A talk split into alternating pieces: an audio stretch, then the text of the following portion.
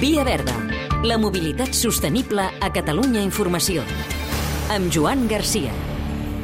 Avui la transició energètica als autobusos, el cas de l'electrificació de set línies de bus que porten viatgers a ferrocarrils de la Generalitat.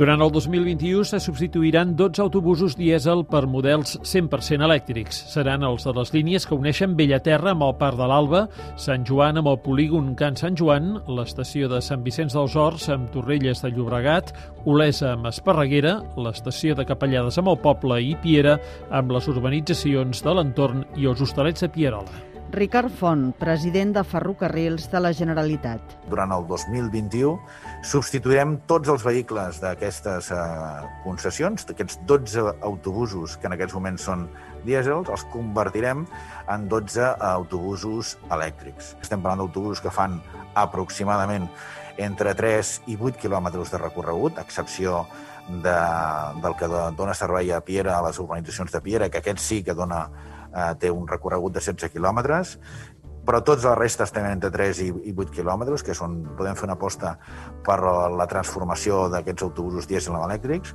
Com es farà la recàrrega d'electricitat? A l'estació de Can Sant Joan serà ferrocarrils a través d'uns pantògrafs que farà l'aportació de càrrega ràpida cada vegada que hi arribi l'autobús. Aquests quatre articulants seran abastits directament amb un pantògraf amb energia de ferrocarrils, per tant, amb la mateixa energia que nosaltres disposem per, la, per el funcionament normal de la línia de ferroviària, permetrà que a través d'uns pantògrafs poder fer la recàrrega d'aquests quatre articulats a Can Sant Joan. La resta, com deia abans, seran els propis eh, concessionaris dintre de les seves eh, cotxeres, doncs, els que faran la càrrega lenta durant la nit. Què hi guanyarà el medi ambient?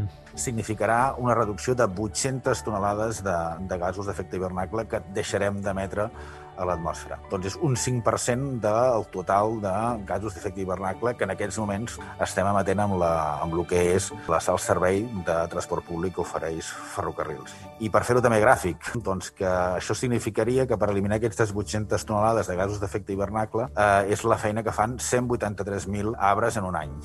Un pas més també a favor de la intermodalitat. David Saldoni, director general de Transports i Mobilitat de la Generalitat. Línies d'autobús que el que fan és intentar facilitar a la gent que puguin accedir, en aquest cas, a les línies de ferrocarrils de la Generalitat. Aquesta feina que s'ha fet durant tot aquest temps ens porta a que l'any 2019 700.000 viatgers hagin fet servir les línies d'aportació, per tant, hagin utilitzat aquesta intermodalitat entre el bus i el tren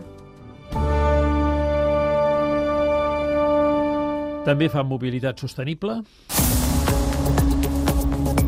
Transports Metropolitans de Barcelona i Iberdrola. L'empresa d'electricitat i gas natural construirà i explotarà la primera planta d'hidrogen per a ús públic de tot l'Estat al polígon de la Zona Franca. Podrà subministrar energia verda a autobusos de TMB durant els pròxims 10 anys. També la podran utilitzar altres flotes de vehicles i els de les indústries del polígon. El port de Tarragona. Perquè hi ha atracat per primera vegada un vaixell que utilitza gas natural liquat com a combustible. Es tracta d'un portavehicles procedent procedent de Corea. El port de Tarragona aplica un 50% de bonificació als vaixells que utilitzen el gas natural que millora la qualitat de l'aire als ports. I la Universitat Politècnica de Catalunya. Ha coordinat a Barcelona una prova pilot de l'aplicació CoApps per gestionar la densitat de passatgers al transport públic durant la pandèmia i evitar així aglomeracions. Els usuaris que es desplacen en metro i bus de TMB hi han pogut contribuir aportant dades d'ocupació en temps real.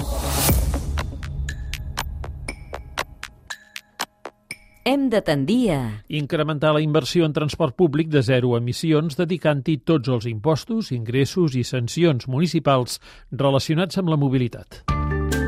Via Verda, disponible al podcast i a catradio.cat.